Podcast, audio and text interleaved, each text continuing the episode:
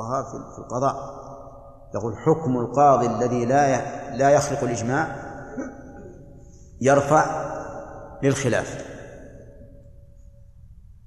واضح؟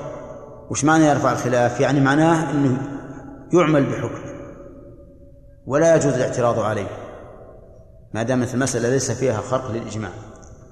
طيب يقول رحمه الله ويخرج الواجب كله من دين وحج وغيره من كل ماله بعد موته وإن لم يوص به.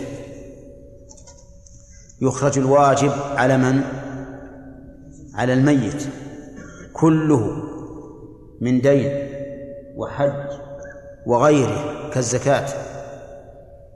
من رأس ماله نعم من كل ماله بعد موته وإن لم يوص به. من كل المال يعني لا من الثلث. حتى لو استغرق المال كله فإنه يجب.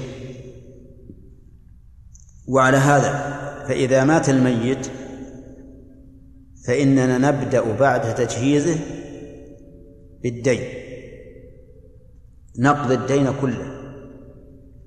ثم ما بقي إن كان له وصية أخرجنا الوصية. ثم بعد ذلك إن بقي شيء يكون للورثة. مثال هذا رجل مات ولم يحج مع قدرته على الحج. وآخر مات ونفس الرجل هذا. مات وعليه زكاة ولم يؤد الزكاة.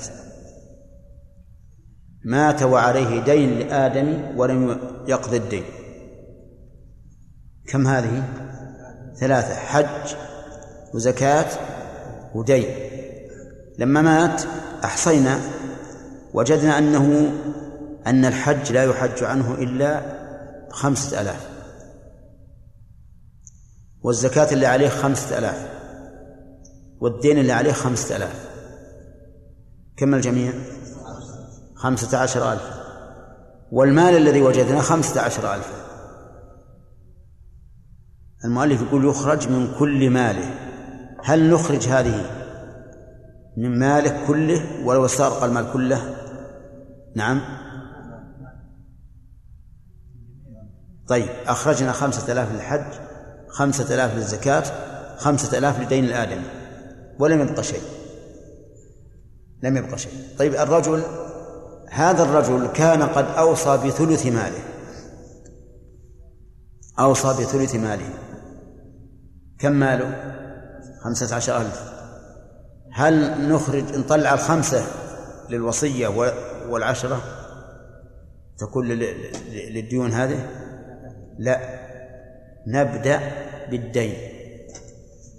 الدين أعطينا حججنا عنه خمسة آلاف وأدينا الزكاة خمسة آلاف وقضينا الدين للآدم خمسة آلاف. ما بقي شيء. ماذا تكون الوصية؟ تبطل. سقطت. الورثة من باب أولى. الورثة من باب أولى. ولهذا قال من كل مال. فإن قال قائل أليس الله تعالى يقول في المواريث من بعد وصية توصون بها أو دين فقدم الوصية. نقول بلى. إن الله قدم الوصية ولكن العلماء أجمعوا. على أن الدين مقدم على الوصية استنادا لحديث علي بن أبي طالب أن النبي صلى الله عليه وسلم قضى بالدين قبل الوصية. ولكن الله قدمه قدم ذكر الدين ذكر الوصية لأجل أن الوصية ليست واجبة فقد يتهاون بها الورثة بخلاف الدين. وأيضا الدين له مطالب. والوصية ليس لها مطالب فلهذا قدمت من أجل أن يعتني بها الورثة فقط. طيب الواجب يخرج كله الواجب من كل ماله بعد موته وإن لم يوص به. يعني وإن لم يوص بإخراج الواجب عنه فإنه يخرج عنه.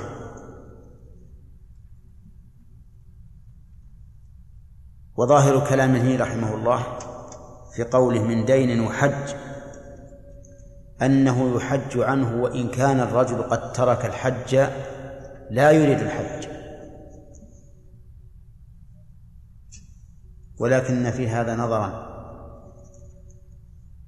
فإن القول الراجح أنه إذا ترك الحج لا يريد الحج فإنه لا يقضى عنه ويترك لربه يعاقبه يوم القيامة.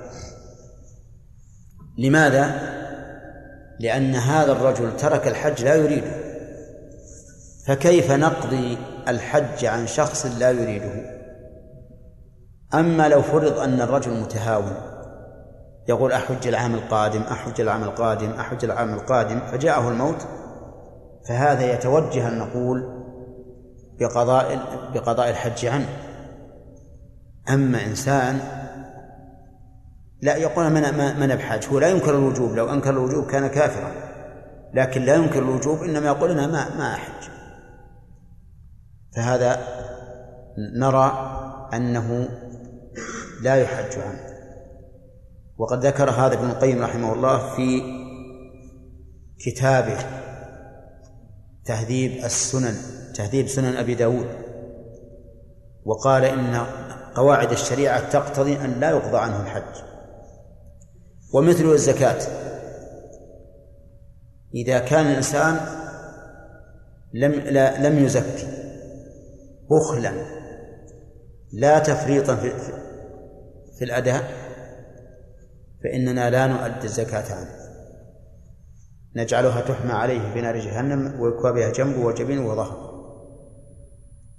أما لو كان هذا الرجل يقول غدا أؤدي الزكاة بعد غد الشهر الثاني الشهر الثالث ثم مات فهذا يتوجه أن نؤدي الزكاة عنه لأن الرجل هذا يرجو أن أن أن يؤديها ولكن عجله الأجل بخلاف الذي تركها لا يريد أن يفعل فكيف نقضي عنه؟ كيف نقضي عن شخص يقول أنا ما أفعل؟ طيب يقول فإن قال أد الواجب من ثلثي بدأ به فإن بقي منه شيء أخذه صاحب التبرع وإلا سقط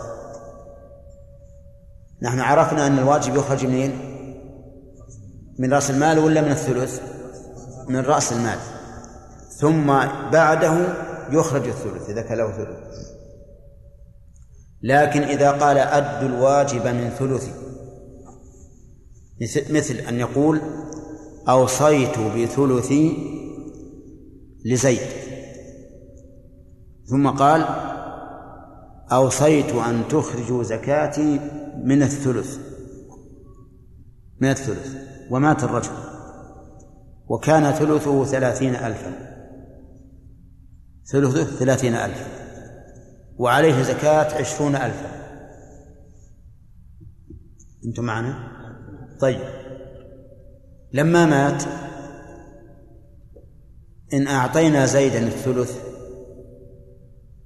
كم؟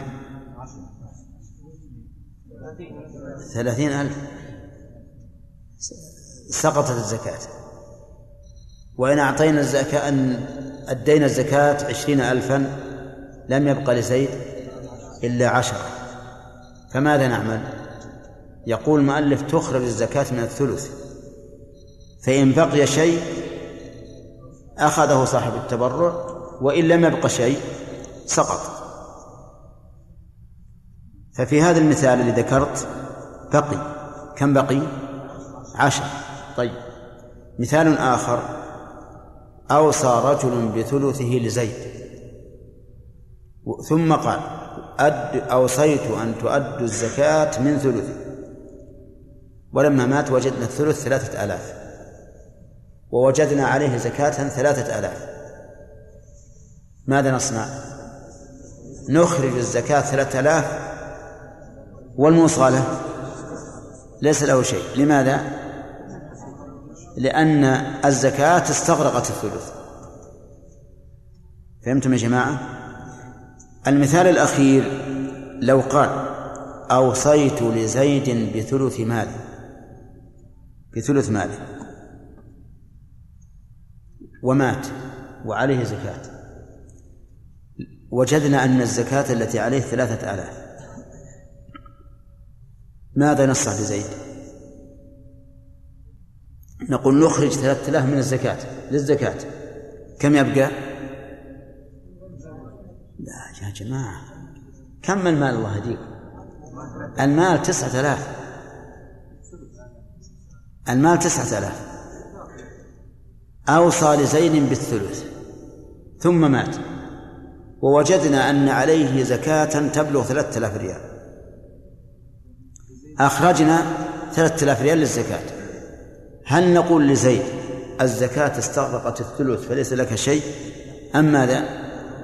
لا ما ما نقول هكذا نقول أخرجنا زكاة ثلاثة آلاف كم بقي معنا؟ ستة آلاف كم نعطي زيدا؟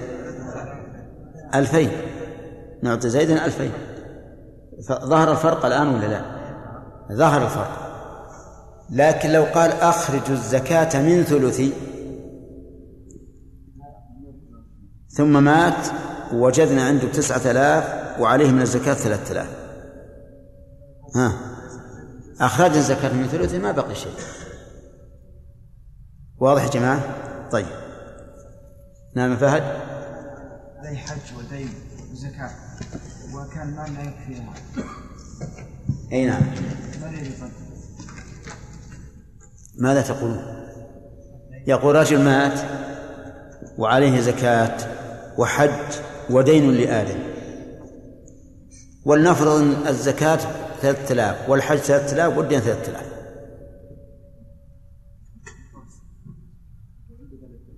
وعنده ثلاثة آلاف. ها؟ محاصة ولا نقدم حق الله ولا؟ نقول هذه المسألة فيها ثلاث أقوال للعلماء. فيها ثلاث أقوال قول أن نقدم حق الله. وقول ثاني نقدم حق الآدم والثالث المحاصة. الذين قالوا نقدم حق الله استدلوا بقول النبي صلى الله عليه وسلم اقضوا الله فالله أحق بالوفاء. فالله أحق بالوفاء. وأحق اسم تفضيل. والمفضل مقدم على المفضل عليه. فيقدم حق الله. والذين قالوا إنه يقدم حق الآدمي قالوا لأن حق الآدمي مبني على المشاحة. لأن الآدمي يريد حقه وحق الله مبني على المسامحة. والله تعالى يعفو عن حقه. وهذا كما ترون تعليل جيد. والقول الثالث المحاصة. قال لأن الكل قد وجب في ذمته فدين الله كدين الآدمي. يكون بالمحاصة وأجابوا عن قول النبي صلى الله عليه وسلم اقضوا الله فالله أحق بالوفاء بأن بأن معنى الحديث إذا كان يمكن قضاء دين الآدمي فقضاء دين الله من باب من باب أولى. والنبي عليه الصلاة والسلام لم يكن أمامه صورة فيها تزاحم حق الآدم وحق الله ثم قدم حق الله. لو كان كذلك لكان القول بتقديم حق الله أصح. لكن النبي عليه الصلاة والسلام لما سئل هل يقضى الصوم أو أو الحج قال اقضوا الله فالله أحق بالوفاء أي أنه إذا جاز قضاء دين الآدمي فقضاء دين الله من باب أولى. وهذا هو الصحيح. الصحيح أنه ما يتحاصان. فكيف تكون المسألة الآن؟ نشوف. قلنا أن الرجل خلف ثلاثة آلاف ريال وعليه زكاة ثلاثة آلاف وحج ثلاثة آلاف ودين آدمي ثلاثة آلاف. إذا قلنا بالمحاصة فيكون بالقسط. كيف القسط؟ أن تنسب الدين إلى أن تنسب المال إلى الدين. أن تنسب المال إلى الدين. كم الدين؟ ها؟ هذا قريب كم الدين؟ الدين؟ الدين. قلنا ثلاثة آلاف حج. تسعة آلاف. والمال؟ ثلاثة آلاف. أنسب المال إلى الدين. نسبة الثلاثة إلى التسعة. الثلث. إذن يكون للحج ألف. وللزكاة ألف ولدين الآدمي ألف. لكن يرد علينا بالنسبة للزكاة ما في إشكال. بالنسبة للحج إذا قالوا لا نجد أحدا يحج عنه بألف ريال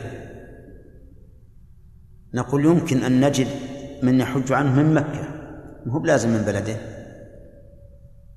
فإن قالوا لا نجد ولا في مكة حينئذ يضاف نصيب الحج إلى الزكاة ودين الآدمي ويكون للزكاة ألف ونصف ولدين الآدمي ألف ونصف لأنه تعذر إقامة الحج ها؟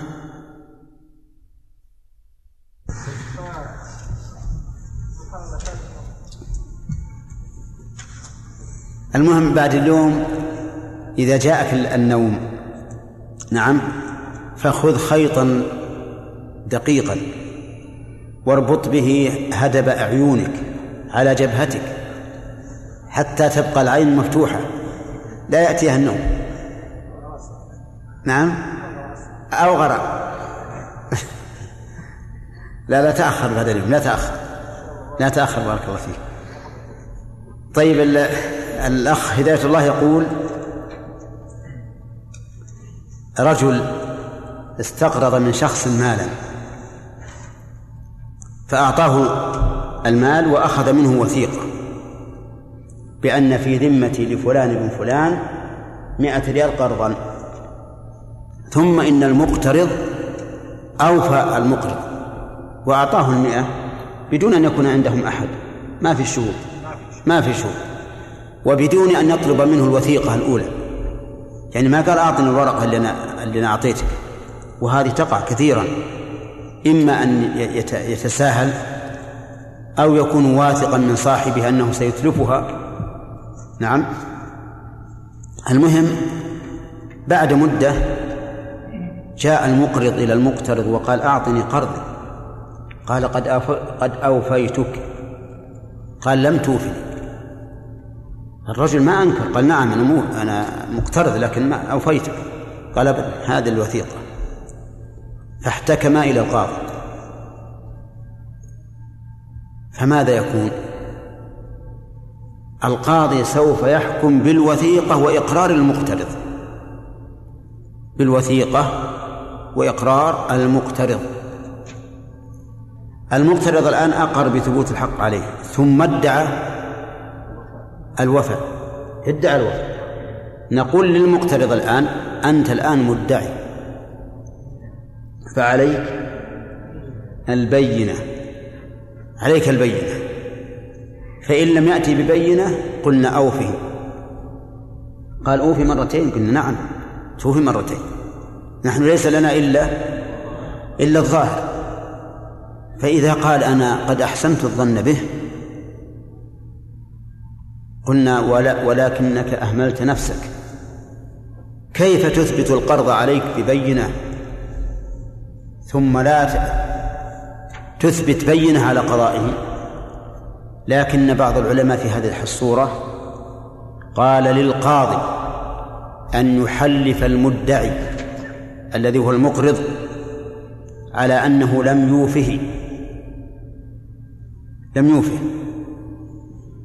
فيقول له احلف أنه لم يوفك. فهمتم؟ فإذا قال لا أحلف الأصل بقاؤه بذمتك كيف أحلف؟ نقول لا يضرك إن كنت صادقا. فإن قال المقرض وهو يقع كثيرا أنا نسيت. هل أوفاني أو لا؟ نسيت هل أوفاني أو لا؟ أتحبون قلنا له احلف على أنك لا تذكر أنه أوفاك. يكفينا منك أن أن تحلف على نفي العلم.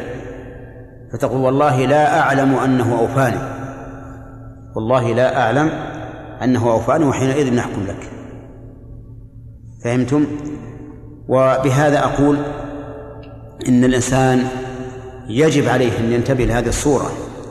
إذا إذا أقرض أحدا شيئا وأخذ منه ورقة وثيقة أن نبادر إذا أوفاه بتمزيق الوثيقة أو تسليمها له.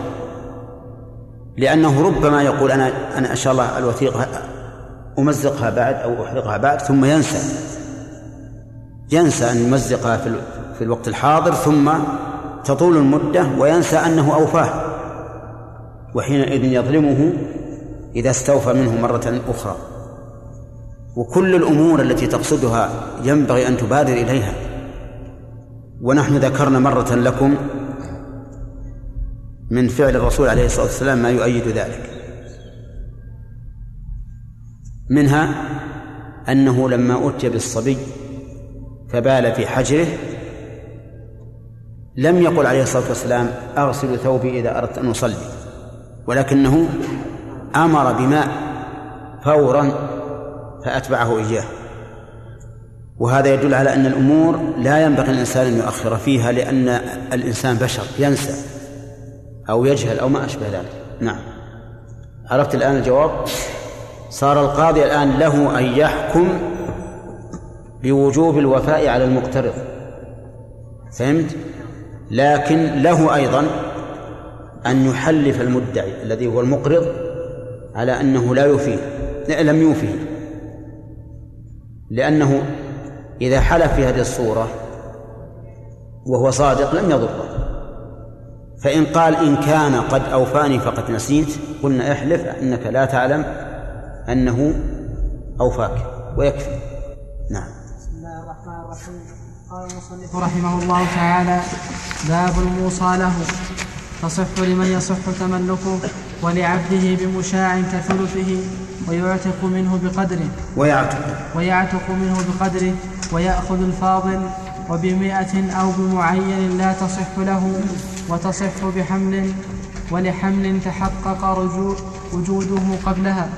وإذا أوصى من لا حج عليه أن يحج عنه بألف. أن يحج. أن يحج عنه بألف. صرف من ثلثه مؤونة حجه حجة بعد أخرى حتى ينفذ ولا تصح ينفد.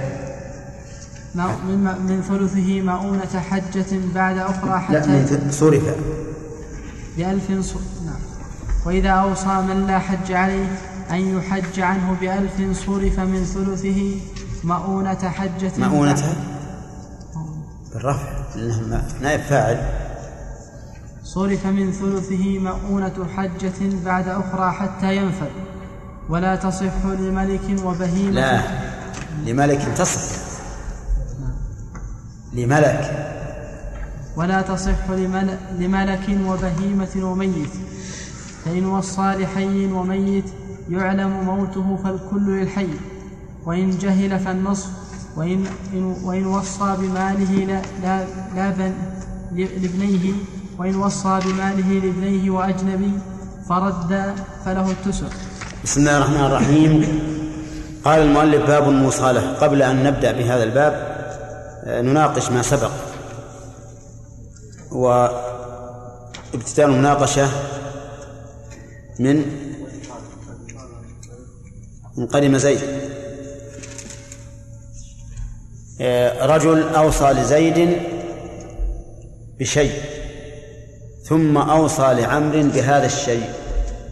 ماذا تقول؟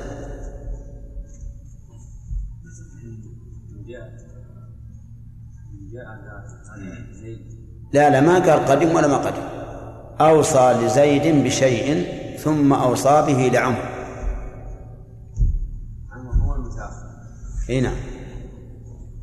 ما أدري هو المتأخر ولا المتقدم. شوف أوصى لزيد بشيء ثم أوصى به لعمر ها؟ صارت الوصية هنا لعم لعمر لأن ناسخ وش تقولون؟ صحيح. طيب. قال إن قدم زيد فله ما أوصيت به لعمر أنت؟ ما حضرت؟ إيه. طيب. نعم.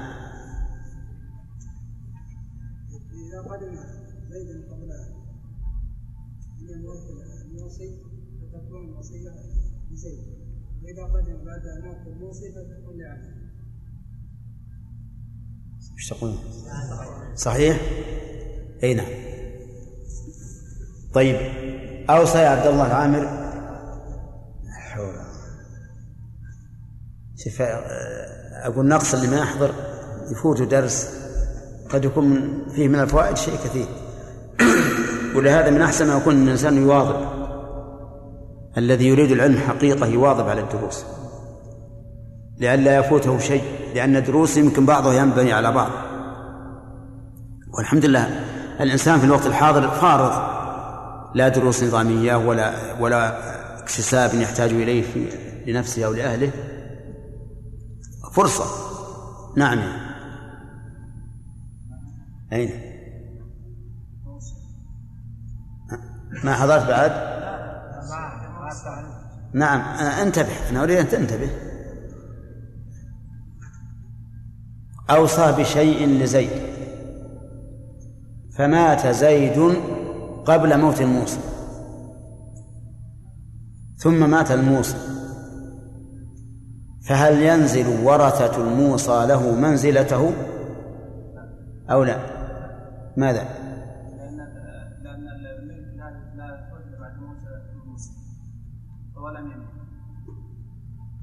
الموصى له مات قبل موت الموصى فلم يملك الوصية وحينئذ لا تنتقل إلى ورثته. صح؟ إذن تبطل الوصية بموت الموصى له قبل موت الموصى نعم.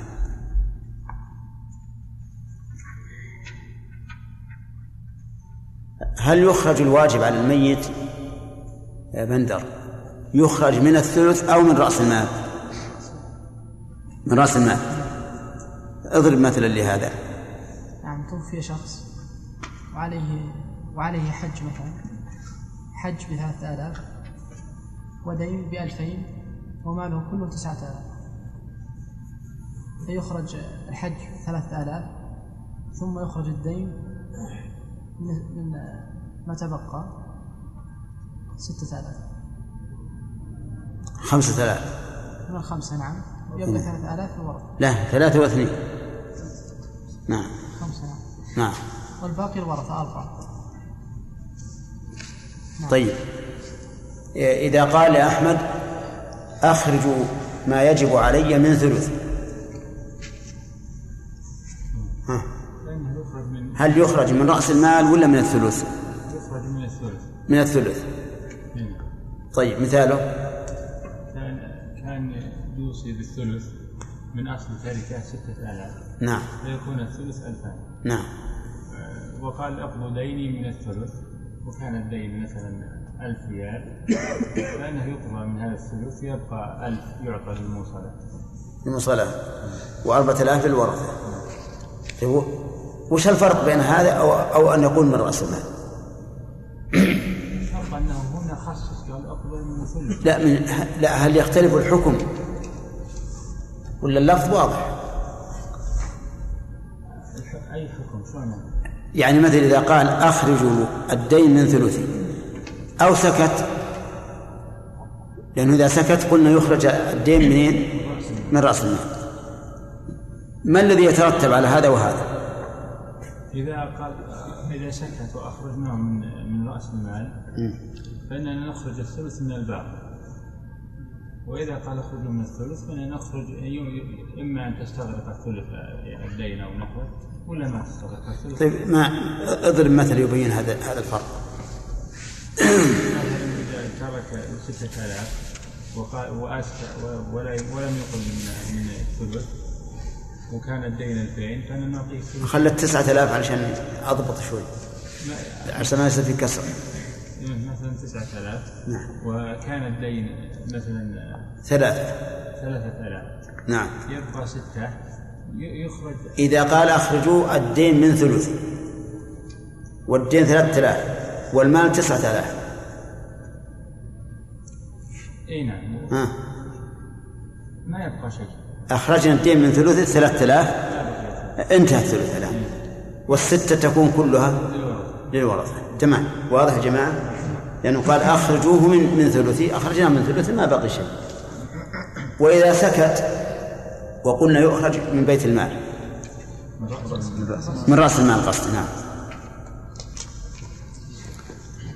ها. إذا سكت وقال ما قال شيء لكن مات وجدنا عليه ثلاثة آلاف. وأوصى, قلنا تخرج من رأس المال. وأوصى بالثلث. وأوصى بالثلث. نقضي دينه من من التسعة آلاف ثلاثة. ثلاثة. ويبقى ستة. نعم. نخرج الثلث منها ألفان. أي نعم. يصير الموصى به ألفان. لأن هنا هنا ثلث الباقي. ويبقى للوراثة كم؟ يبقى من الستة يبقى أربعة. أربعة. وفي المثال الأول كم يبقى؟ ستة يبقى ستة. واضح؟ طيب. ثم قال المؤلف باب الموصى له. الموصى له. هذا أحد أركان الوصية. وهو المأمور له وهو المأمور بالتبرع له. الذي أمر الموصي بالتبرع له يسمى موصى له. موصى له. وهو أحد أركان الوصية. لأن أركان الوصية أربعة. أركان الوصية أربعة.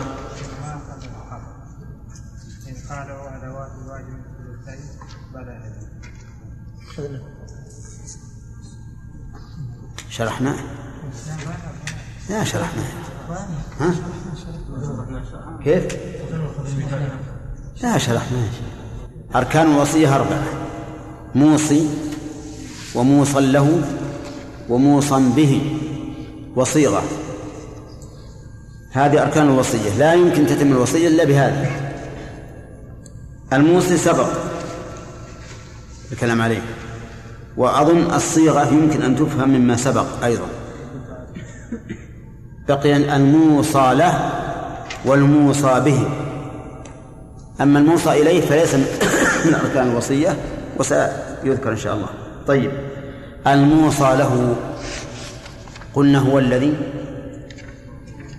أمر بالتبرع له يعني أمر الموصي بالتبرع له بعد الموت. فهل يشترط شروط للموصالة يقول المؤلف تصح لمن يصح تملكه. تصح لمن يصح تملكه. أما من لا يصح تملكه فلا تصح الوصية له. فلو أوصى لبهيمة قال هذه الدراهم أوصيت بها لبعير فلان. فإن الوصية لا تصح. لماذا؟ لا تصح تملكه لأن البعير لا يملك. طيب. قال ولعبده بمشاع. يعني وتصح الوصية لعبده بمشاع أي مشاع من ماله. والمشاع هو الجزء الذي لم يعين. مثل ثلث ربع خمس عشر وما أشبه ذلك. تصح لعبده بمشاع. مثاله قال كثلثه. فيقول مثلا أوصيت لعبدي بثلث مالي. أوصيت لعبدي بثلث مالي. نقول هذا يصح ويعتق منه بقدره أي بقدر ما أوصى به. فإذا قال أوصيت لعبدي بثلثي وكان ثلثه ألف ريال والعبد يساوي ألف ريال. ها؟ يعتق كله الثلث ألف والعبد يساوي ألفين. لا. أل... نصف العبد. لماذا؟ لأن المؤلف يقول يعتق منه بقدره. طيب فإن قال أوصيت لعبدي بثلث وثلثه ألف والعبد يساوي ثمانمائة. قال المؤلف ويأخذ الفاضل فيعتق العبد وهو يساوي 800 ويأخذ الفاضل كم؟ 200 وبمئة أو معين لا تصح لا تصح له. يعني لو أوصى لعبده بمئة فإن الوصية لا تصح. لأن العبد لا يملك. والدليل على أن العبد لا يملك قول النبي صلى الله عليه وسلم من باع عبدا له مال فماله لبائعه إلا أن يشترطه المبتاع قال من باع, من باع عبدا له مال فماله لبائعه. إذا ما بيده من المال ليس ملكا له بل هو ملك لسيده. نعم. فإذا أوصى بمعين بمئة ريال لعبده الإنسان له عبد فلما حضره الموت يعني قبل أن يموت أوصى لعبده بمئة ريال ثم مات.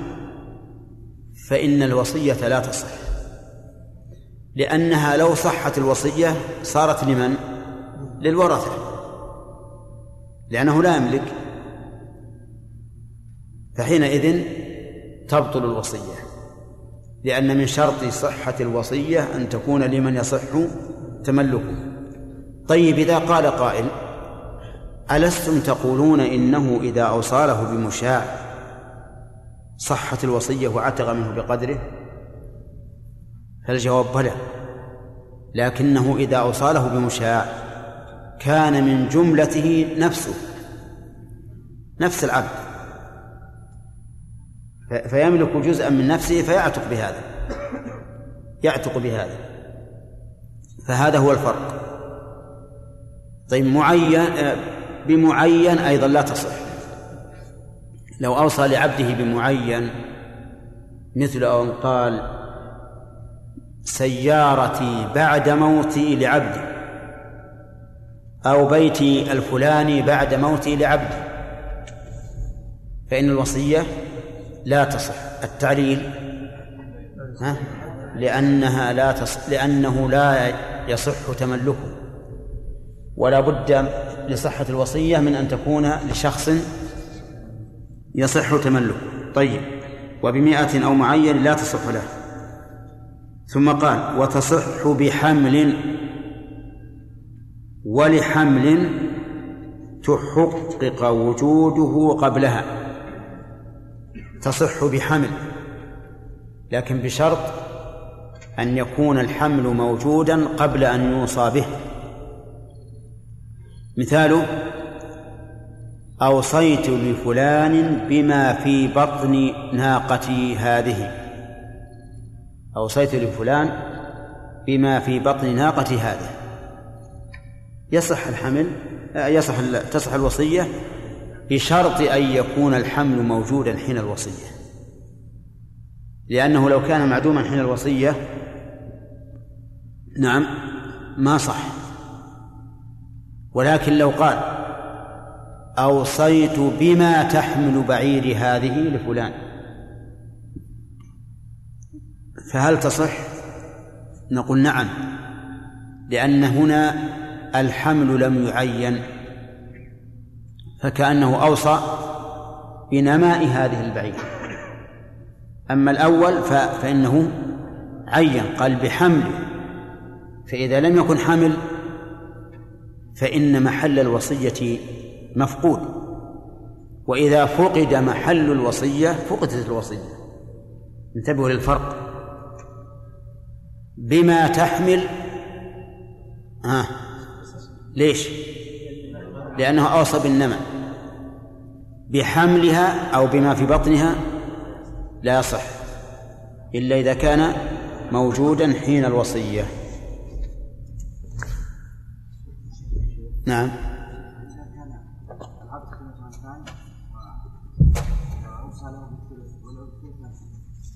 كيف؟ نعم. نعم. نعم. نعم.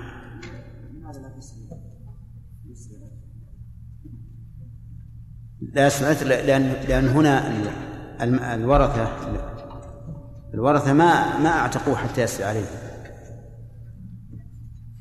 إنما أعتق بهذا القدر لكن في قول إن شاء الله سيأتي في العتق أن بعض العلماء يقول يسري ويستسعى العبد. يعني يقال له اعمل ونأخذ قيمة بقيته من كده من سعيه وعمله. وهذا أصح. نعم.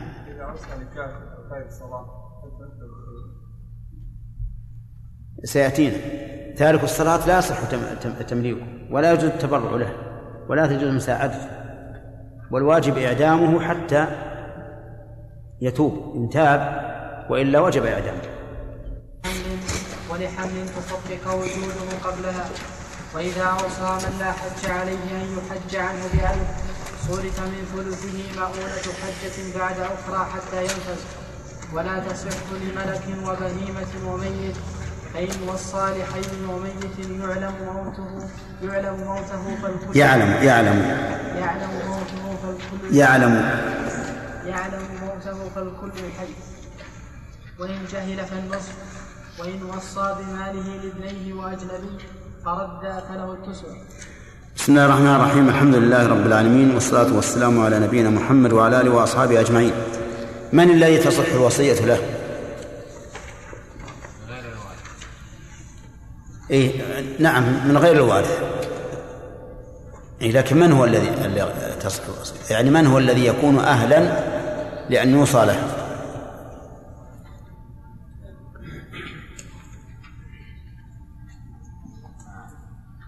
لو أوصى إنسان أوصى لشاة. الإنسان أجنبي لا والد. ليس والد. إيه ما هو الضابط؟ يعني المؤلف ذكر ضابط. إيش قال باب له؟ ثم قال اقرأ. لا نت... لا ت... لا تقرأ من الكتاب. أو ما حفظت. اي طيب. نعم. تملكه. من يصح تملكه. كذا؟ طيب. صح. كل من يصح تملكه تصح الوصية له. طيب يا محبوب أوصى لكافر ذمي. ها. نعم. تصح؟ لأن الذمية يصح تملكه. طيب. أوصى الأخ. أوصى للفرس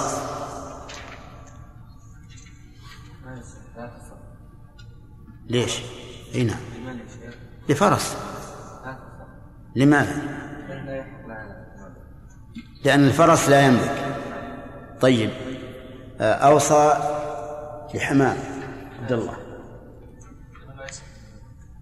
إذا جميع البهائم لا يصح الوصول لها. طيب يا هداية الله أوصى لجبريل لماذا؟ متأكد؟ وش تقولون؟ صحيح طيب أوصى لجني لا يصح لا يصح لماذا؟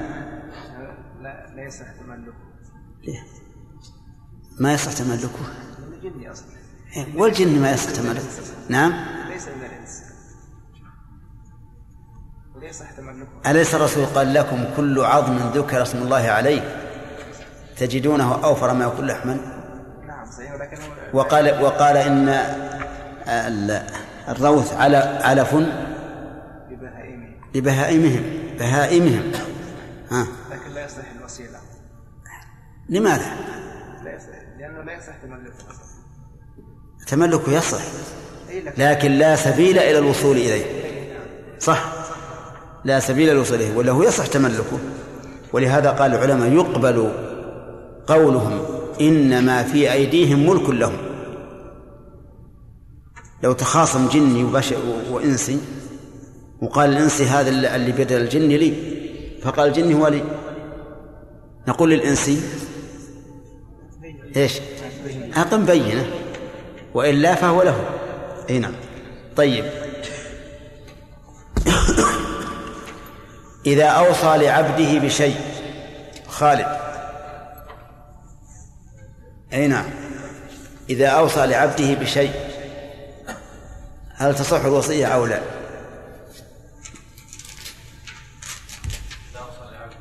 إي نعم. ها؟ تصح مطلقا. أو ما حضرت؟ إيه. حاضر لكنك غير حاضر. نعم.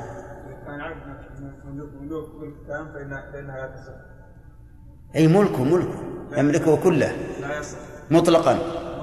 ها. طيب. امداد الله. ها. مطلقا؟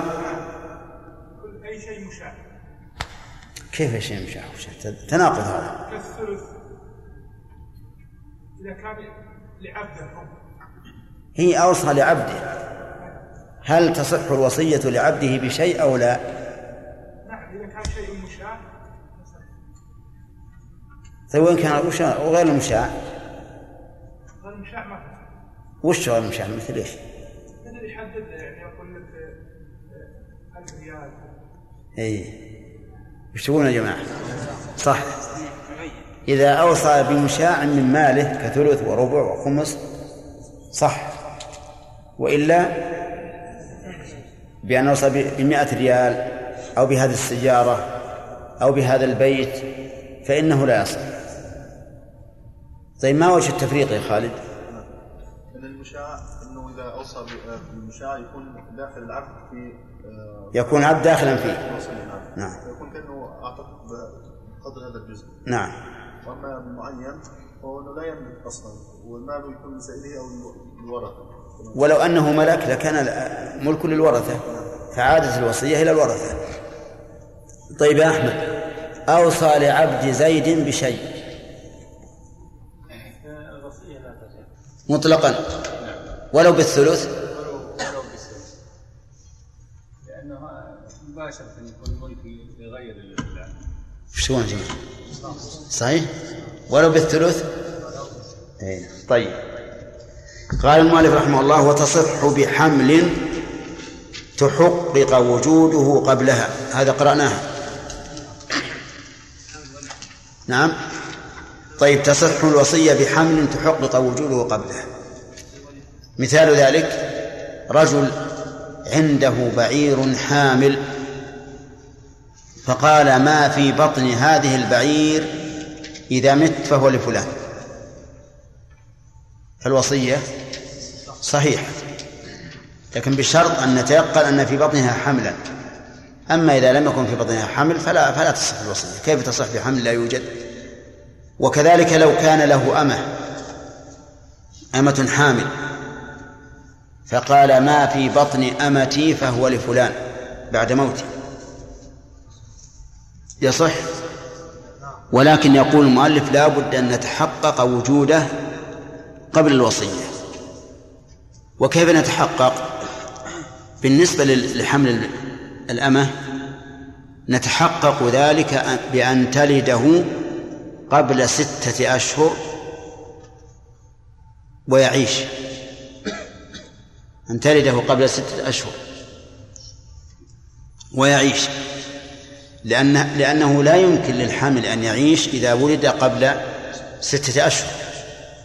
فإذا حملته فإذا وضعته قبل تمام ستة أشهر من الوصية وعاش علمنا أنه موجود حين الوصية فصحت الوصية به. كذلك للحمل لو قال ما في بطن فلانة. فله بعد موته مئة ريال. هذا أوصى لإيش؟ للحمل. فالوصية صحيحة بشرط أن يكون موجودا حين إيش؟ حين الوصية. بأن تلده قبل تمام ستة شهور من الوصية. قال وإذا أوصى من لا حج عليه أن يحج عنه بألف صرف من ثلثه مؤونة حجة بعد أخرى حتى ينفد. نعم. إذا أوصى من لا حج عليه أن يحج عنه بألف. لماذا فرض المؤلف المسألة في شخص لم يحج في شخص لا حج عليه؟ لأن الذي عليه حج يجب تنفيذ وصي يجب تنفيذ حجه سواء أوصى به أم لم يوصي وسواء زاد على الثلث أو نقص عنه لأن الحج الواجب كالدين مقدم على الوصية فلهذا فرض المسألة في شخص إيش؟ لا حج عليه فإذا فإذا قيل لماذا؟ قلنا لأن من عليه الحج يجب أن يصرف من ماله من رأس ماله ما يحج به عنه ولا حاجة للوصية. إذا أوصى أن يحج عنه بألف صرف من ثلثه ولا من رأس ماله؟ من ثلثه لأن هذه الوصية تبرع إذ أن إذ أن الموصي لا حج عليه. فيصرف من ثلثه مؤونة حجة بعد أخرى حتى ينفد. مثاله أوصى رجل بألف ريال يحج به عنه. ومات الرجل. وأحصينا ماله فإذا هو ثلاثة آلاف. ثلاثة آلاف. ننفذ الوصية؟ ها؟ لماذا؟ لأنها لم تزد على الثلث. ننفذ الوصية. لكن كيف ننفذها؟ ننفذها نحج عنه مرة بعد أخرى حتى ينفذ. كان الحجة بمائة ريال. كم يحج عنه؟ عشر حجج كانت الحجة بألف ريال مرة واحدة خمسمائة مرتين وهكذا. المهم أن نجعل هذه الألف التي خصصها للحج مصروفة في الحج ولو تكرر الحج. طيب فإن نقصت عن الحجة أوصى أن يحج عنه بألف ولكن صارت الحجة لا تكون إلا بألفين. فماذا نعمل؟ هل نبطل الوصية أو ننتظر حتى تنزل قيمة الحجة أم ماذا؟ عندنا ثلاث احتمالات. إما أن نبطل الوصية أو ننتظر حتى تنزل قيمة الحج أو نصرفها في أعمال بر أخرى. ثلاثة احتمالات. نقول إذا كان سبب زيادة الحج معلوما يرجى زواله فإننا إيش؟ ننتظر ننتظر مثل أن يكون سبب زيادة الحجة خوف الخوف في الطرقات أو عدم وجود المادة التي توصل إلى إلى مكة إما قلة السيارات مثلا قلة البنزين وما أشبه ذلك. فهذا ننتظر حتى يزول السبب. أما إذا كان السبب ليس طارئا ونعلم أنه إن لم تزد قيمة الحجة لم تنقص. ولم نجد أحدا يمكن أن يحج من مكة. لأن الذي يريد أن يحج من مكة سوف يكون أقل. أليس كذلك؟ المهم ما وجدنا. ففي هذه الحال نحن بين أمرين. إما أن نبطل الوصية وإما أن نصرفها في أعمال بر أخرى. والثاني هو المتعين. الثاني هو المتعين. يعني أننا نصرف هذه الدراهم في أعمال خير أخرى.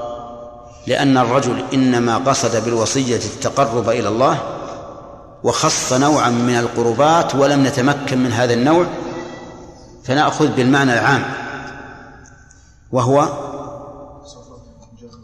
القربة وإن لم تكن حجا.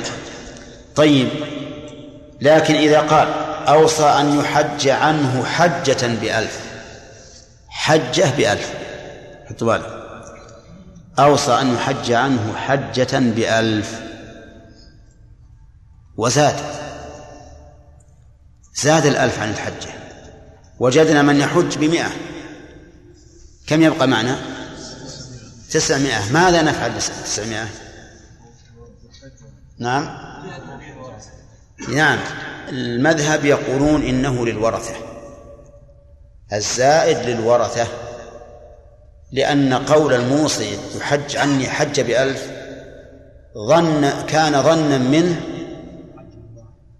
لا هو حجة واحدة يقول كان ظنا منه أن قيمة الحج تبلغ الألف. وهو لا يقصد أكثر من حجة لأنه عينها فإذا نأتي بمقصود الموصي والباقي لا محل له. فإذا لم يكن له محل يرجع إلى من؟ إلى الورثة. ولكن الصحيح أن أن أن ننظر في الأمر. إذا قال أوصيت إلى فلان أن يحج عني حجة بألف فإن الباقي لفلان. وإذا أطلق فالباقي للورثة. ووجه هذا التفصيل أن الموصي لما قال فلان علمنا أن ظاهر مراده أن ينفع إيش؟ فلانا. أن ينفع. وإلا فالموصي يعلم أن الحجة تكون بمئة أو بمئتين مثلا لكن أراد أن ينفع هذا الرجل ويحابيه. فإذا كان هذا هو ظاهر مراده فلننفذه. ونقول يا فلان هذه ألف ريال حج عن فلان حجة واحدة. إذا قال هذا أكثر من الحجة نقول هذا اللي أوصى به لك. أما إذا قال يحج عني حجة بألف ولم يعين فحينئذ نقول إن الباقي يكون للورثة لأنه لا يظهر منه إرادة محاباة الحاج حيث لم يعين. نعم. ثم قال المؤلف رحمه الله ولا تصح لملك. يعني لا تصح الوصية لملك. لماذا؟ لأنه لا يتملك. الملائكة عليهم الصلاة والسلام ليسوا كالبشر. الملائكة خلقوا من نور. واستوعبوا أوقاتهم بطاعة الله. قال الله تعالى ومن عنده لا يستكبرون عن عبادته ولا يستحسرون يسبحون الليل والنهار. لا يفترون. تسبيح ليلا ونهارا. لا يفترون. لا يقصرون ولا يتعبون. هؤلاء لا يحتاجون إلى أكل ولا إلى شرب. ولهذا قال العلماء إنه ليس لهم أجواف. ليس للملائكة أجواف. تحتاج إلى أكل.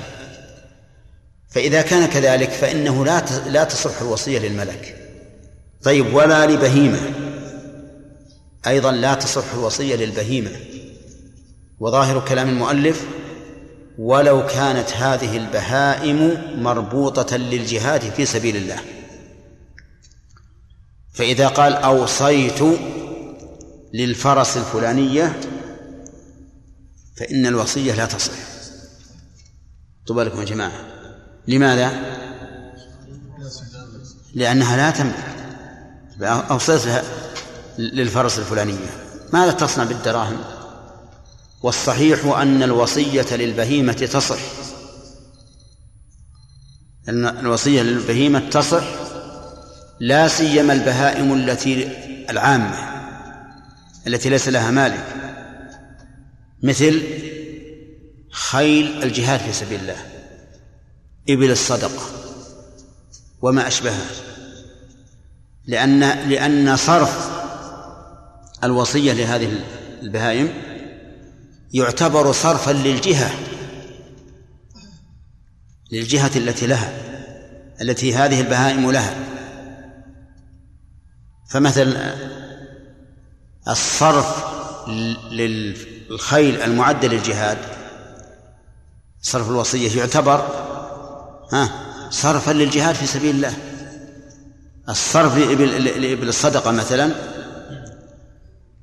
صرف للفقراء ينتفعون بها. فبدل من أن نبيع بعيرا لنعلف البقية نأخذ هذه الوصية ونعلفها الجميع. وتبقى البعيرة التي كانت بصدد أن تباع من أجل إعلاف البقية.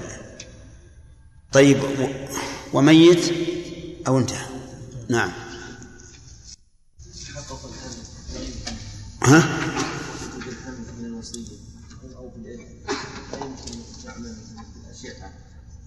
لا بالوقت الحاضر يمكن. يمكن نعمل بالأشعة فإذا قالوا إنه يقينا موجود عملنا به. نعم.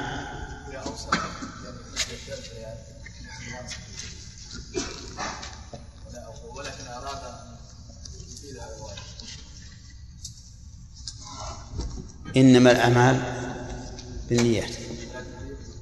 إنما الأعمال بالنيات. هذا ما ما ما ينفذ إلا ما إلا على قدر قيمة الحج فقط والباقي بإجازة الورثة نعم. نعم. فالحج بلغ أكثر من ألف أو أو الحج بألف بلغ أكثر من السدس. ماذا يكون؟ إذا أوصى أن يحج عنه بألف. ولم يقل حجه وقل قلنا يصرف منه حجة بعد أخرى حتى ينفد لا إذا زاد ما زاد عن الثلث فهو بإجازة الورثة. هذا شيء قاعدة ما يحتاج. ما يحتاج نأتي بها في كل مسألة. ما زاد على الثلث مهما كان فإنه يحتاج إلى إذن الورثة. هذا أيضا أكثر حجة أي ذكرنا هذا وقلنا أن المسألة فيها ثلاث احتمالات. نعم.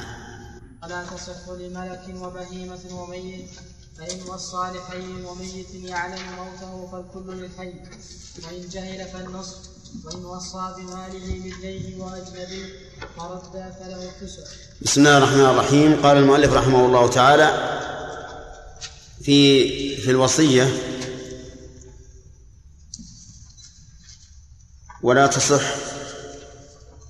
لملك وبهيمة إلى آخره نأخذ بعض النقاش فيما لو وصى أن يحج عنه بألف أو حج بألف فهل بينهما فرق؟ نعم ما حضرت؟ وصى بأن الحج عنه بألف أنه إذا كانت الحج أقل- آه، 100 مثلا يحج عنه 10 مرات. أوصى أن يحج عنه بألف وآخر أوصى أن يحج عنه حجة بألف. هل بينهما فرق أو لا؟ آه. فالأولى أنه إذا كان ثلث الحج الأولى ما هي؟ آه، إذا قال أوصى أن يحج عنه بألف. نعم. إذا كان الحج أقل من 1000 مثلا كان 100 يحج عنه 10 مرات. في الأول لأننا نقول هذا مثال. الحكم في الأول يحج عنه حجة بعد أخرى حتى ينفذ طيب حتى ينفذ الألف. هذه واحد. الثاني؟ الثاني يحج عنه حجة واحدة فقط. حجة واحدة فقط. طيب إذا كانت الحجة بأقل من ألف؟ في الثانية. لا ما ما يمكن ترد في الأولى. فيها تفصيل. صح ما ترد الثانية فيها تفصيل إذا كان أوصى بواحد معين فتذهب له أما إذا أطلق إذا أوصى به لواحد بها بالألف لواحد معين فما فضل فهو له. هذا ما نراه. والمذهب ما فضل للورثة. طيب والقسم الثاني؟ إذا أطلق تكون للورثة على جميع الأقوال. إذا أطلق قال يحج عني حج بألف ولم يخص فلان. يحج عن حجة بما تكون والباقي يرد إلى الورثة. فصار على هذا المذهب أن الباقي يرد إلى الورثة سواء عين الموصى له أم لا. والص- والصحيح أنه إن عين الموصى له فالباقي له وإلا فالباقي للورثة. طيب. رجل أوصى رجل أوصى لجبريل. شو أنت عبد الله. خلاص. هذا لا يصح. لماذا؟ قلنا أن قلنا أن الوصية تصح لمن يصح تملك وجبريل لا يصح تملك أحسنت. لأنه لا يصح تملكه. طيب رجل أوصى للنبي صلى الله عليه وسلم. قال أوصيت في هذا البيت لرسول الله صلى الله عليه وسلم. سوء النبي عليه الصلاة والسلام مات والميت لا يصح تملكه. صحيح؟ أي نعم. صح. طيب يقول آه، إذا أوصى لبهيمة بندر أوصى قال هذه ألف ريال لبعير فلان. على ما ذهب اليه المؤلف أنها لا تصح الوصيه نعم. لأن البهيمة لا تملك صح. والقول الذي اخترناه وهو الصحيح أنه تصح البهائم لا لا سيما إبل الصدقة وال. نعم. إذا كانت البهائم لمصلحة الجهاد مثل إبل خيل الجهاد وإبل الصدقة وما أشبهها فإنها تصح الوصية أما إذا كانت البهيمة لشخص معين فإن قصد نفع الشخص فلا بأس. ولكن الشخص يصرفه في عارف البهيمة هذه. وإن قصد تمليك البهيمة فلا يصح لأن البهيمة لا تملك. طيب. يقول ولا تصح لميت هذا اللي مبتدا الدرس اليوم. لا تصح الوصية لميت. وذلك لأن الميت لا يملك بل ما ملكه ينتقل عن ملكه. أليس كذلك؟ إلى أين ينتقل؟ إلى الورثة. وليس له من ماله إلا الثلث فأقل. ليس للميت من ماله بعد موته إلا ما أوصى به من الثلث فأقل لغير وارث. وإلا الباقي ينتقل الورثة. فإذا كان ملكه الثابت ينتقل عنه فكيف يمكن أن يملك بعد موته؟ إذا لا تصح لميت. وقال بعض العلماء تصح للميت وتصرف في عمل بر له. فإذا قال أوصيت لفلان بألف ريال فإن هذا يصح على القول الثاني ويصرف في عمل بر له إما صدقة أو مساهمة في بناء مسجد أو في طباعة كتب نافعة أو ما أشبه ذلك. وهذا ينبغي أن أن يكون صحيحا فيما إذا قصد الموصي هذا المعنى. أما إذا قصد مجرد التمليك فإن الوصية لا تصح.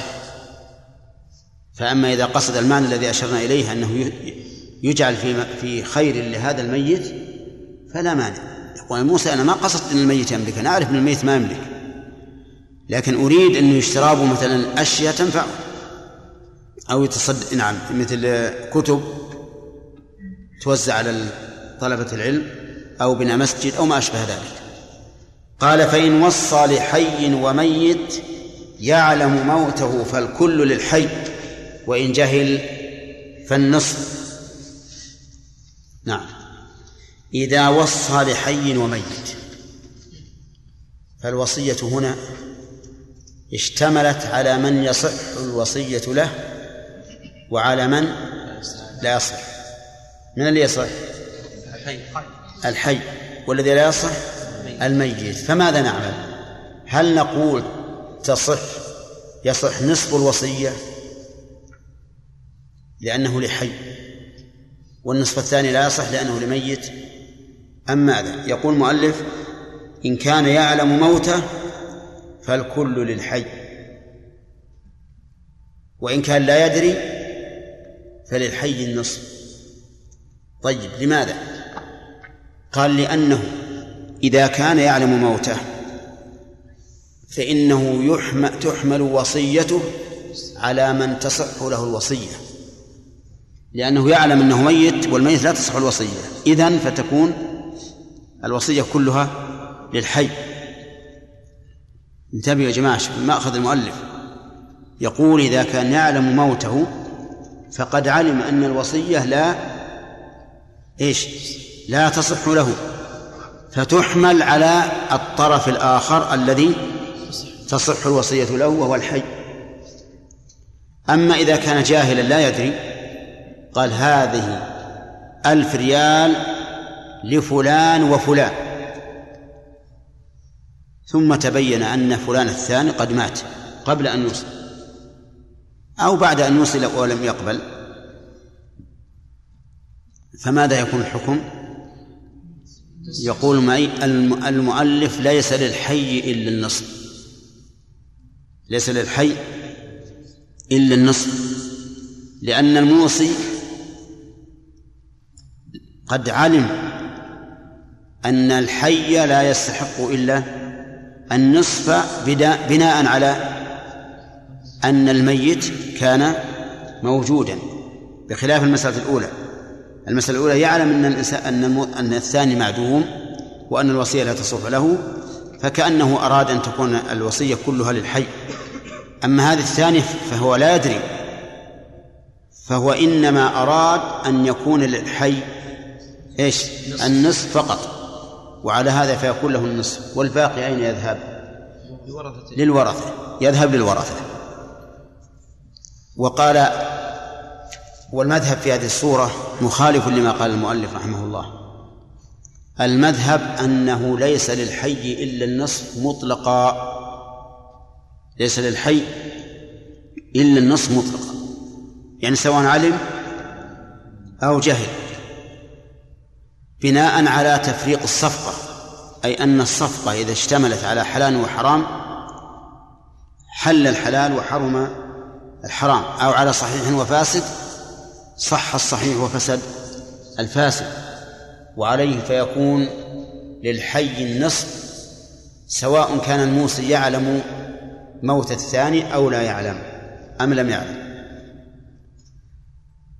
ومحل الخلاف ما لم يقل بينهما أنصافا. فإن قال بينهما أنصافا فليس للحي إلا النصف مطلقا. لأنه خصص. مثل أن يقول أوصيت بهذا الألف لزيد وعمر. أنصافا. وهو يعلم أن عمرو قد مات فليس لزيد إلا النصف. يجهل أن عمرا قد مات ليس لزيد إلا النصف نعم. يقول وإن وإن وصى بماله لابنيه وأجنبي فردا فله التسع. هذه مسألة غريبة. وصى لابنيه اثنين وأجنبي بالمال كله. قال أوصيت بمالي لابني وزيد. من عبد القادر؟ إيش قلت؟ واحد أجنبي مثل قوله عن وابنيه ما قلت أنا الأجنبي. المثال ما ذكرت الأجنبي. وش قلت؟ قلت زيد. أوصى لابنيه وزيد بماله كله فوافق الابنان ماذا يكون لزيد؟ الثلث ولهما الثلثان. لأنهما لأنهم يقتسمون المال قسمة وصية. يقتسمون المال قسمة وصية. ومعلوم أن الإنسان إذا أوصى لثلاثة ها اقتسموه أثلاثا. أرجو أن تنتبهوا. واضح يا جماعة؟ أوصى بماله كله لزيد ولابنيه. فقد وافق على الوصية. إذا وافق الورثة على الوصية بالمال كله صحت الوصية أو لا؟ ها؟ إذا وافق الورثة تصح الوصية؟ وأنت عمرو تصح الوصية؟ طيب. وأنت؟ متأكد ولا لا؟ طيب هذا الرجل أوصى بماله كله لزيد ولابنيه فأجاز الوصية. نقول إيش؟ تصح الوصية. تكون الوصية الآن بكل المال ولا بالثلث؟ بكل المال. إذن يقتسم هؤلاء الثلاثة الابنان وزيد. يقتسمون المال؟ ها؟ قسمة وصية. قسمة وصية أثلاثا له الثلث ولهما الثلثان لكل واحد ثلث. لكن إذا رد إذا رد الوصية ترجع الوصية إلى إيش؟ إلى ثلث المال. لأن الرجل إذا أوصى بماله كله وأبى الو- الورثة الوصية ما الذي يصح؟ الثلث. حطوا بالكم يا جماعة. إذا أوصى الإنسان بجميع ماله حتى للمسجد وقال الورثة لا نقبل نقول الثلث لا بد أن تقبل قبلتم أم لم تقبلوا؟ الثلث نافذ. طيب إذا رد الابنان الوصية بماذا تكون الوصية تكون بالثلث. الثلث موصى به لثلاثة صح؟ به لثلاثة كم يكون ل- ل- لزيد؟ التسع. التسع. لأن ثلث الثلث تسع. لا. ثلث الثلث عشر. ها؟ ثلث الثلث تسع. كيف عرف- عرفتم أن ثلث الثلث تسع؟ لأن يقول تسعة. ثلثها كم؟ ثلاثة. كم ثلث الثلاثة؟ واحد. من تسعة التسع. طيب. ولهذا قال المؤلف فرد فله التسع. لو قال قائل إذا رد لماذا لم يكن له الثلث ولهما الثلثان؟ نقول لأن الثلثين استحقاها بالشرع لا بالوصية. أليس كذلك؟ نعم. ها؟ لأن الثلثين استحقاها بإيش؟ بالشرع هما وارثان لأبيهم. استحقاها بالشرع فلما رد الوصية عادت الوصية من من من المال كله إلى ثلث المال، ثلث المال موصى به لثلاثة. يكون لهذا لزيد ها؟ يكون له ثلث الثلث وهو التسع. ولهذا قال وإن وصى بماله لابنيه وأجنبي فرد أي رد الوصية إذا رد الوصية بالمال كله ترجع إلى ثلث المال فله التسع. ثم قال المؤلف باب باب الموصى به. الموصى به ذكرنا فيما سبق أنه إما مال يتبرع به وإما تصرف يتصرف فيه الموصى إليه. فمن أوصى شخصا بالنظر على أولاده الصغار فهذه وصية بماذا؟ تصرف ومن أوصى بمئة تجعل في مسجد تصرف بماء طيب الموجود هنا التصرف. آه، الوصية بالمال قال تصح بما يعجز عن تسليمه كآبق وطير في الهواء تصح الوصية بما يعجز عن تسليمه أي بالذي ويجوز أن تكون ما نكرة موصوفة أي بشيء يعجز عن تسليمه. فما هنا تصح أن تكون موصولة أو نكرة موصوفة. إن كان موصولة فالتقدير بالذي يعجز عن تسليمه وإن كانت نكرة موصوفة فالتقدير بشيء يعجز عن تسليمه ولا والمعنى لا يختلف. طيب بما يعجز عن تسليمه كآبق. آبق هو العبد هرب من سيده. وعلى هذا نقول آبق صفة لموصوف محذوف التقدير كعبد آبق. فإذا كان شخص له عبد آبق فأوصى به لآخر قال عبدي فلان وهو آبق. أوصيت به لفلان. فالوصية صحيحة. الوصية صحيحة. كيف يصح بعبد آبق؟ لا ندري هل يأتي أو لا يأتي. نقول لأن الوصية تبرع والموصى له فيها إما سالم وإما غانم. وهذا ليس بغرر. إذا كان الأمر دائرا بين السلامة والغنم فهذا ليس بغرر. الموصى له إن جاء العبد فقد غنم وإن لم يأتي فقد سلم ما جاءه شيء. طيب وربما يكون العبد هرب من سيده فإذا علم بأنه أوصى به لزيد حضر. أليس كذلك؟ ربما يكون سيده يؤذيه ويعذبه ويضربه ويوبخه فهرب. فلما مات أوصى به لشخص معروف بالكرم والسماحة والعبادة والعلم. فلما علم العبد قال هذا ما أريد. حضر. استفاد المصالة ولا لا؟ طيب. وتصح أيضا بطير في الهواء. طير في الهواء. كيف طير مثل إيش؟ حمام. إنسان له حمام. طائرة. طائرة تطير في الهواء. فقال أوصيت بحمام التي تطير لزيد. يجوز؟ ها؟ يجوز. والعلة؟ ما سبق أنه إما سالم وإما غانم. طيب هل تصح بالجمل الشارد؟ ها؟ نعم تصح. بالشاة الضالة؟ ها؟ نعم.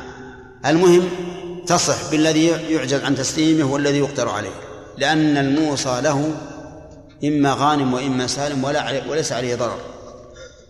وبالمعدوم هذا أبلغ. تصح بالشيء المعدوم. مثل كبما يحمل حيوانه وشجرته أبدا أو مدة معينة. ها؟ كيف؟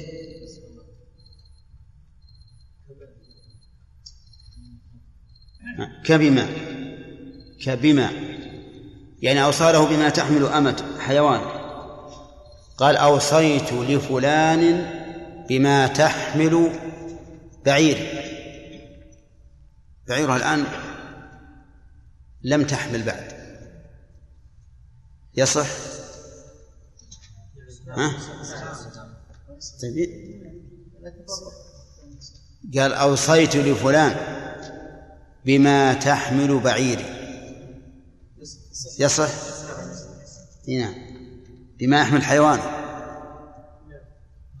ها؟ وهي الآن ما حملت.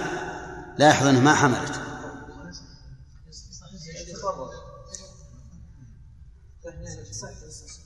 الله أكبر.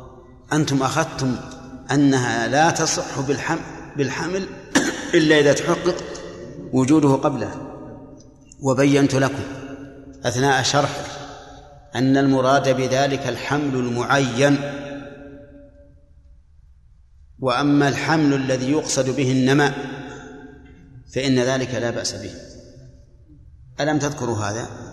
ها؟ طيب. إذا فرق بين يقول أوصيت له بحمل هذه الناقة اللي في بطنه ويتبين أن بطنها ليس فيه شيء هذا لا لا تصح. وبين أن يقول أوصيت له بما تحمل هذه الناقة على سبيل أنه نمى. فهذا يصح. واضح يا جماعة؟ طيب. وكذلك في الشجرة أوصيت لفلان بما تحمل نخلتي هذه. يصح؟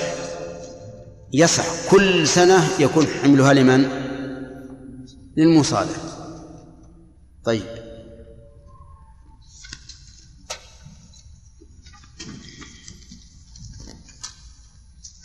محمد وعلى آله وصحبه أجمعين. قال رحمه الله تعالى وبالمعدوم كبما يحمل حيوانه وشجرته أبدا أو مدة معينة فإن لم يحصل منه شيء بطلت الوصية وتصح بكلب صيد ونحوه وبزيت متنجس وله ثلثهما. ولو كثر إن ولو كثر المال إن لم تجز الورثة. وتصح بمجهول كعبد وشاه ويعطى ما يقع عليه الاسم العرف. وإن أوصى بثلثه فاستحدث مالا ولو دية دخل في الوصية. ومن أوصي له بمعين فتلف بطلت. وإن أتلف المال غيره إن تلف المال. إن تلف وإن تلف المال. تلف بدل أتلف. وغيره غيره نعم. وإن تلف المال وإن تلف الماء وإن تلف المال غيره غير وإن تلف المال غيره فهو للموصى في- فهو للم- فهو للموصى له. إن خرج من ثلث المال الحاصل للورثة. بسم الله الرحمن الرحيم. الحمد لله رب العالمين والصلاة والسلام على نبينا محمد وعلى آله وأصحابه أجمعين. وش اللي دخلك ولا ما صرناك أوسان أه، لو أن شخصا له جمل شارد فأوصى به لآخر ما تقول؟ هذا لا يملكه. لا ملك جمله شرد. ليس بحوزته الآن. إيه ليس بحوزته. أوصى به لشخص هل يجوز أو لا؟ نعم. أي. يجوز؟ طيب يمكن ما يمكن الموصلة ما ما يحصل. يسر نعم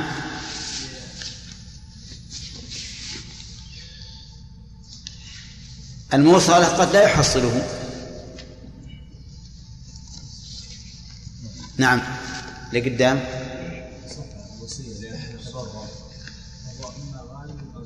إيه؟ نقول حتى وإن لم يحصله الموصلة هو يضر الشيء. إن حصله فقد اكتسب خيرا وإن لم يحصله لم يكن عليه ضرر. طيب الأخ الذي أجاب الأول. لو باع الشارد هذا الجمل الشارد لو باعه؟ صاحبه. رجل له جمل شارد وجاء له إنسان قال له ابيعوه علي. لا يجوز. لماذا؟ لأنه غير قادر عليه. صاحبه غير قادر على تسليمه الآن. ومن شروط صحة البيع أن يكون المبيع مقدورا على تسليمه. وهذا الذي اشتراه لاحظوا يا جماعة هذا الذي اشترى الجمل الشارد هل سيشتريه بقيمته أو بأقل؟ ها؟ بأقل. يعني إذا كان الجمل لو كان بين أيدينا يسوى ألف سيشتريه بكم؟ خمسمائة. طيب إذا اشتراه بخمسمائة إن وجده صار غانما والمغلوب صاحب الجمل. وإن لم يجده صار غارما والغالب صاحب الجمل. إذن هذا ميسر لأن كل معاملة تدور بين الغنم والغرم فهي من الميسر. نعم. بخلاف التبرع إذا أوصاله بجم... بجمل شارد فهو إن وجده غانم وإن لم يجد سالم. ما عليه ما عليه شيء عليه ضرر. طيب. هل يجوز أن يوصي له بما تحمل أمته؟ قل يا عبد الله. يجوز. يجوز. وجود الحمل إذا تحقق وجود الحمل كذا؟ طيب. خالد؟ يجوز يا شيخ مطلقا. يجوز مطلقا؟ لأنه قصدي النماء مو قصد حمل معين. يعني ليس- ليس حملا معين. فقصده النماء ها؟ متأكد؟ عندنا الآن قولان. قول بالجواز وقول بالمنع. التفصيل فهد. العين قال بحملها لا لا بما تحمل. بما تحمل. هذا لا هذا هذا لفظ السؤال.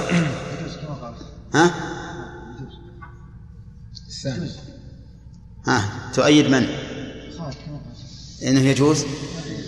صح. فهمت يا عبد الله؟ أما لو أوصى بحمل معين قال اوصيت بحملها بما في بطن هذه البهيمة. بما في بطن هذه البهيمة وتبين أنه ليس بقتناء شيء فالوصية باطلة. طيب. رجل أوصى لشخص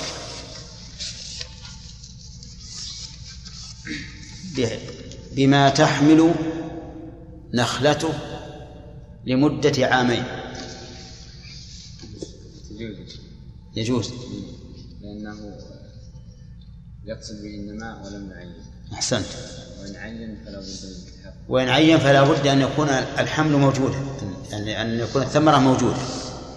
صحيح يا جماعة؟ طيب لأنه إذا يفرق بين بين النماء بين ما قصد به النماء وبين الشيء المعين. طيب. أظن نبدأ الدرس جديد. قال المؤلف رحمه الله فإن لم يحصل منه شيء بطلت الوصية. إن لم يحصل منه شيء منين؟ من الحيوان والشجرة.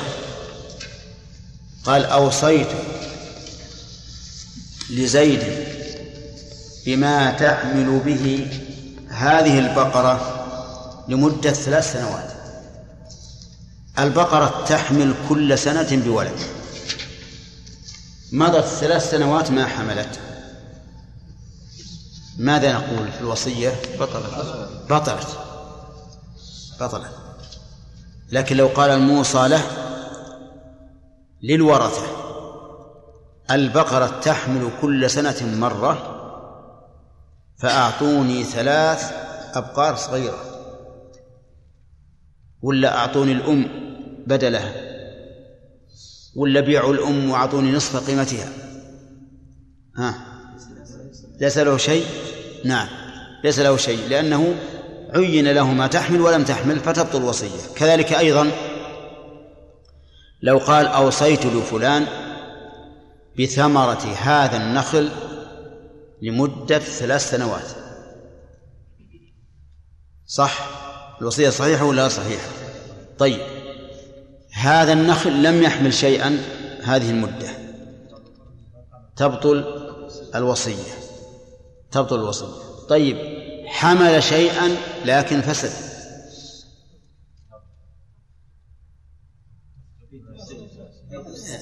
يأخذه فاسد. يأخذه فاسدا.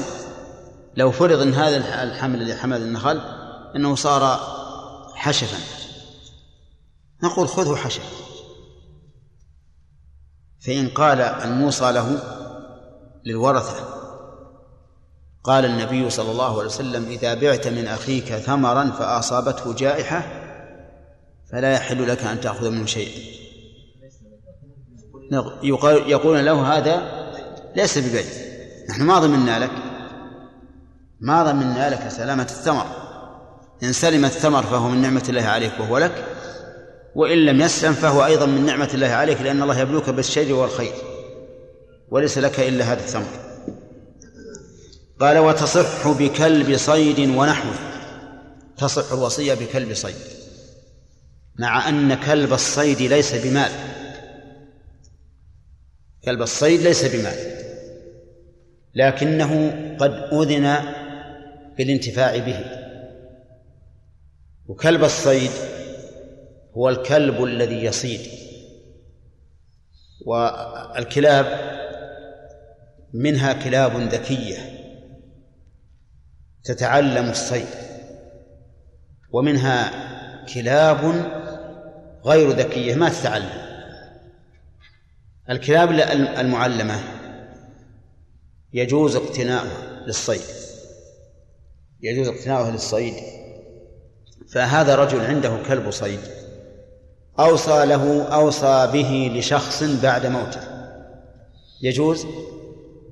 ها؟